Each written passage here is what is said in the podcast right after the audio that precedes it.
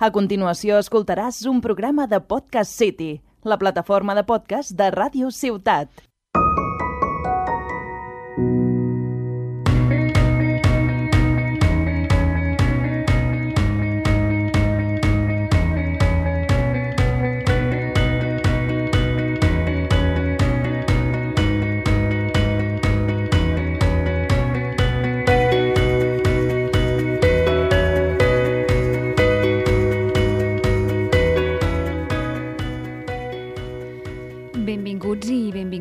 Ciutat que cura, un podcast de salut i bons hàbits que intenta fer-te costat, animar-te i inspirar-te per tenir una vida plena, o potser avui, només per avui, una vida més buida?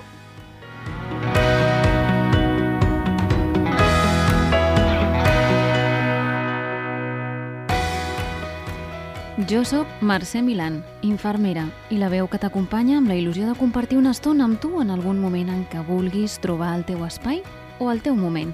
I potser, per avui, i només per avui, baixar les pulsacions una miqueta per aportar més oxigen a totes i cada una de les teves cèl·lules.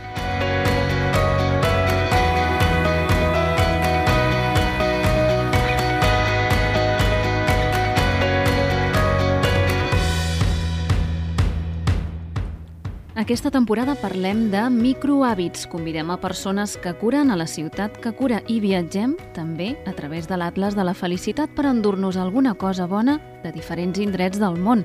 Així podem aprendre una mica més sobre com viure millor. Avui tocava entrevista, però he pensat que un petit microhàbit, després de tot, et podria ajudar a portar millor la setmana i, si m'ho permets, dir-te només que et deixis sentir que la cosa va d'això. Avui va de sentir.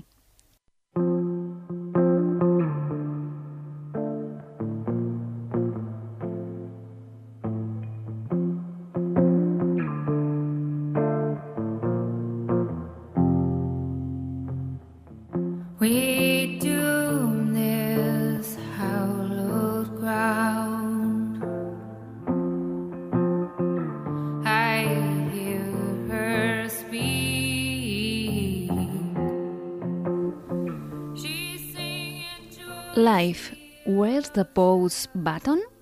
Vida, on està el botó del pausa? És el títol d'un article de la revista Women's Health versió UK, en la seva secció Strong Mind. Ment forta, del que en farem referència tot seguit. Però abans, una reflexió. Per què la versió de la revista Women's Health en castellà no té aquesta secció? the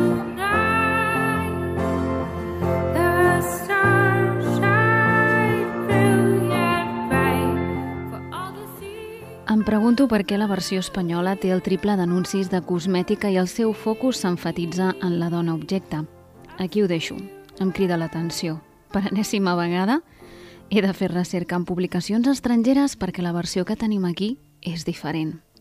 Vigileu, que amb la versió masculina passa exactament el mateix. La gran majoria no disposa d'articles de salut de qualitat. No ens enganyem, no venen salut. Et sedueixen perquè compris, però no porten coneixement real. I em sembla que comença a ser hora que sapiguem que la salut no es ven ni es compra.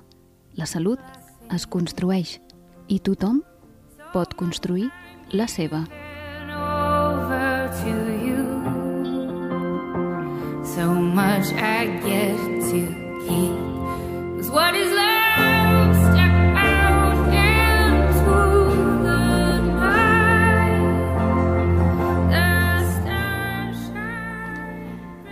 Esteu preparats i preparades per inspirar-vos una mica? M'agradaria explicar-vos un conte que resumeix la idea que vull transmetre avui. El seu títol és Un hospital diferent i pertany al llibre Cuentos para crecer por dentro de la Necane González i la Virginia Gonzalo.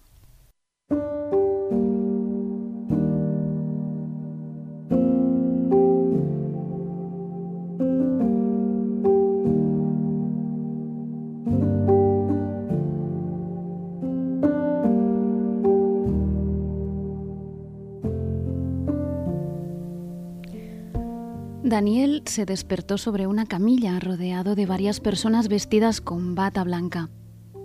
Estaba confuso, no entendía qué le pasaba ni dónde se encontraba. Tardó un rato en ubicarse y darse cuenta de que estaba en un hospital. Enseguida los doctores le introdujeron en una pequeña habitación para realizarle la primera exploración, pero en lugar de tomarle la temperatura o la tensión como habría sido habitual, los médicos le hicieron una radiografía un poco especial. En ella no se veían los huesos, sino el estado de su nivel emocional. Lo que nos temíamos, el paciente está a punto de desbordarse, pronunció una voz detrás de Daniel. Entonces, uno de los doctores se acercó a la camilla y con voz calmada le dijo, Daniel, vamos a llevarte a una sala muy especial. Allí pasarás unos días con todos los cuidados que necesitas. Daniel seguía desconcertado. Sin embargo, en aquel lugar se respiraba algo diferente que hacía que sintiera una inusual calma. Con esa sensación cerró los ojos y se dejó guiar hacia la estancia que durante los próximos días sería su casa. Una vez allí, alguien llamó a la puerta. Daniel despertó sobresaltado y se vio en medio de una habitación provista tan solo de una pequeña mesa, una lámpara de noche y un pequeño cuaderno de notas. Al entrar, Daniel reconoció a uno de los médicos que le habían atendido cuando llegó al hospital. Se acercó a él y le dijo, Daniel, ¿te encuentras mejor? Sí, contestó. Pero, ¿qué es todo esto? ¿Qué me ha ocurrido? ¿Dónde estoy? El médico se sentó junto a él y le dijo sonriendo, Estás en el hospital, Daniel. Pero como habrás observado, aquí no curamos las heridas físicas, sino las heridas emocionales. Lo que más nos importa es saber cómo están las personas por dentro. ¿Y tú? Llegaste esta mañana desbordado emocionalmente. ¿Desbordado? preguntó Daniel. Te hicimos una radiografía para mirarte por dentro. Queríamos ver cuánta carga emocional acumulabas. ¿Sabes? Todos tenemos en nuestro interior una especie de recipiente en el que vamos acumulando todas las tensiones que sufrimos en nuestro día a día. Si no lo revisamos cada cierto tiempo, puede llegar a desbordarse. Lo que te ha ocurrido es más habitual de lo que te imaginas, continuó explicándole el médico. El acelerado ritmo que solemos llevar en nuestra vida hace que vivamos expuestos a más situaciones de las que nos da tiempo a gestionar. ¿Por eso me siento tan estresado? preguntó Daniel. Exacto. El recipiente del que te hablo es el que se encarga de regular nuestra calidad de vida. Cuanto más lleno lo tengas, más estresado te sentirás y por tanto más se resentirá tu salud emocional. De ahí que sea tan importante revisarlo y vaciarlo con frecuencia. De su nivel de carga dependerá nuestro bienestar. Yo nunca he tenido, ni me he parado a pensar ni a revisar su nivel de carga exclamó Daniel. Ya, ahora ya conoces su existencia y su importancia. Has agotado toda su capacidad, Daniel, por lo que necesitas vaciarlo para recuperarte. Te quedarás cuatro días aquí con nosotros, continuó amablemente. Sobre la mesita te hemos dejado un cuaderno de notas. Él será tu mayor confidente. Anota en él todas las reflexiones y conclusiones a las que llegues en cada momento. Además, durante este tiempo, no estarás completamente solo. Cada día vendrá un especialista a hacerte una visita y asegurarse así de que todo va bien. Ahora debo dejarte. Necesitas descansar.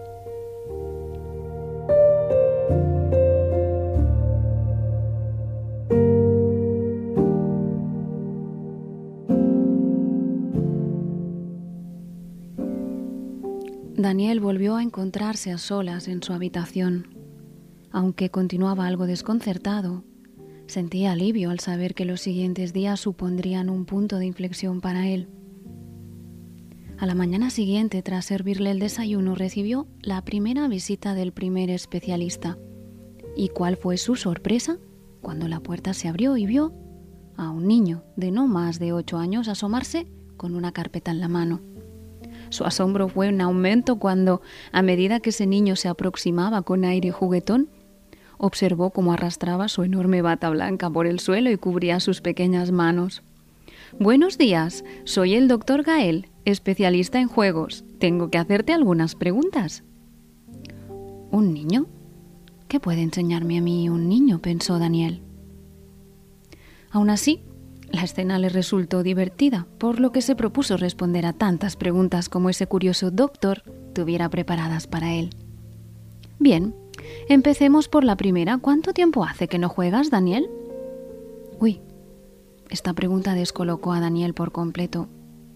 Y en ese momento supo que aquel extraño tratamiento iba en serio y le haría reflexionar. Deduzco que mucho, porque apenas puedo recordarlo bien. Sabes, el trabajo no me deja demasiado tiempo libre y... Entiendo. ¿Y cuánto tiempo hace que no te ríes? ¿Con ganas? Uf, más tiempo aún, respondió Daniel con tristeza. Eso es todo. Gracias por tu sinceridad. Espero que pronto recuperes la ilusión, la alegría y la espontaneidad que tenemos los niños. Daniel se quedó pensativo y decidió abrir su cuaderno y comenzar a notar todo lo que había sentido al escuchar las preguntas de aquel peculiar doctor.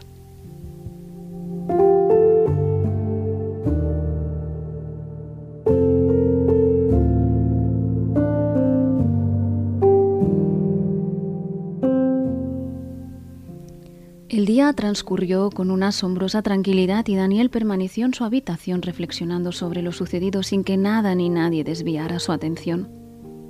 Al día siguiente recibió expectante al segundo especialista. En esta ocasión se trataba de una mujer de aspecto delicado quien tras preguntarle cómo se encontraba, le realizó dos preguntas. Hola Daniel, soy la especialista en cuidados. Dime, ¿Cuánto tiempo hace que no te alimentas bien? Uf, a decir verdad, en el trabajo tengo tantas reuniones y llamadas para atender que apenas tengo tiempo para comer y solo picar algo a media tarde. Sin inmutarse tras su respuesta, la doctora continuó con la siguiente pregunta. Bien, ¿cuánto tiempo hace que no descansas lo suficiente? Daniel se quedó en silencio cabizbajo y su ausencia de palabras fue la mejor respuesta que pudo ofrecer.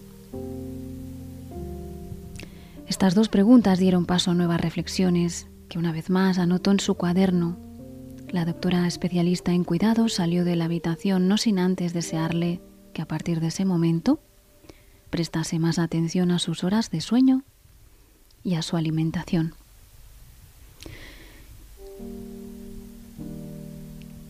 I així, un i un altre especialista, fins que el Daniel va descobrir quantes coses havia deixat de fer. Però de sobte va despertar-se sobre la pila de papers de la seva oficina i del seu despatx, mentre sentia que tot havia estat un somni molt estrany.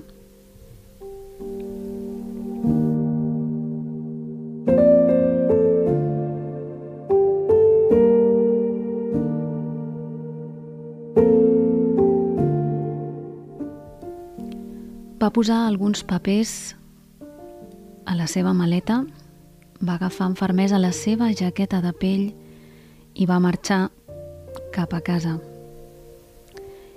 I si d'alguna forma aquell hospital realment fos un hospital diferent? Va somriure, va tancar la porta i se'n va anar cap a casa seva per descansar i abraçar amb força a tota la seva família.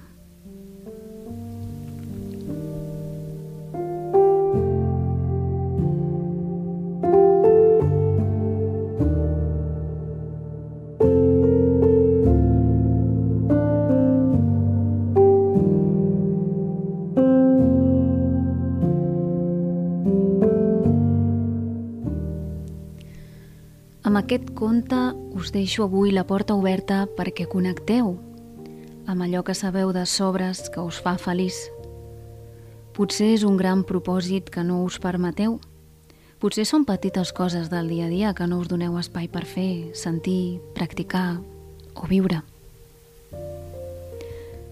No ens serveixen les mateixes coses per tothom. No és bo per tothom practicar certs hàbits sempre perquè tots som diferents i cada situació requereix una especial atenció única, individual, que atén el teu procés de vida i la teva situació actual.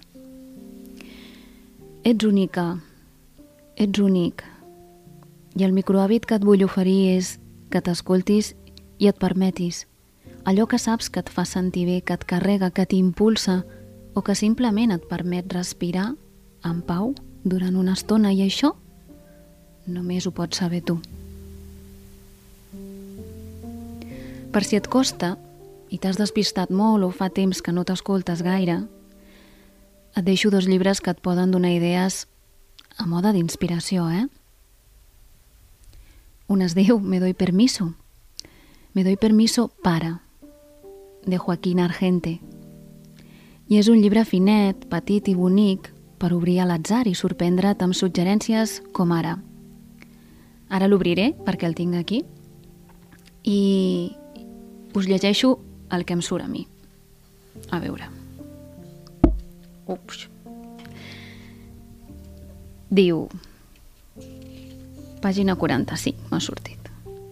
Me doy permiso para rechazar toda autoridad y a toda figura de autoridad sin antes digerir yo mismo, en mi interior, sus afirmaciones y conducta. En primer lugar, he de comprobar si a mi organismo le sientan bien esas palabras o esos actos realizados por los que se atribuyen el monopolio de la posesión de la verdad. Lo malo o lo bueno lo decido yo desde mi interior y mi reflexión, intentando ser honesto conmigo mismo antes que con nadie. Pim pam, m'és encertat en el meu cas i potser en el mm, no podia ser. Aquest és un exemple d'un dels permisos que suggereix el llibre. L'altra proposta que us recomano molt avui i que s'escau també molt al propòsit que m'he plantejat de aprendre a sentir, a identificar i practicar algunes de les coses no? que sabem que ens ajuden a connectar i a sentir la vida – dir-vos que és un altre d'aquest mateix autor i es diu Mis mejores egoísmos, autoafirmaciones amables. La seva darrera novetat, gràcies a la suggerència de la Carmen García de la Biblioteca de Torreforta, un llibre que parla de la reciprocitat, de l'autorespecte i de com expressar el que sentim a l'altre des de l'amabilitat, per poder accedir a les nostres necessitats. Amb aquests dos llibres, de moment, seguim.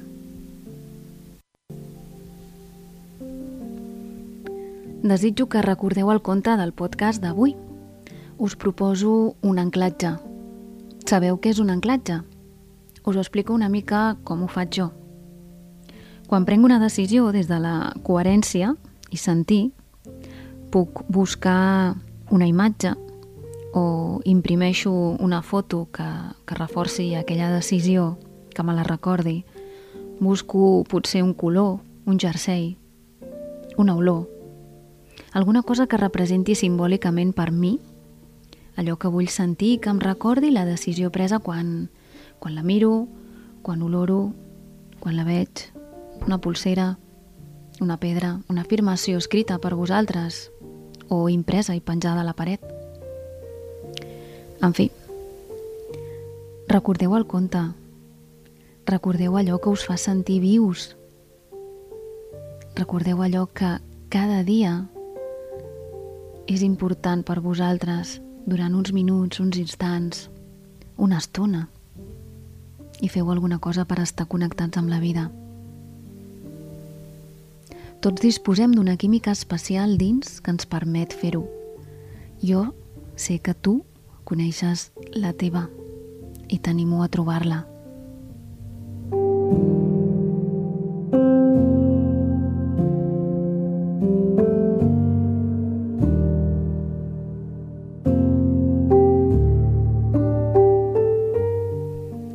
Una abraçada molt i molt forta des de la ciutat que cura per una setmana més al teu costat. Fins aviat.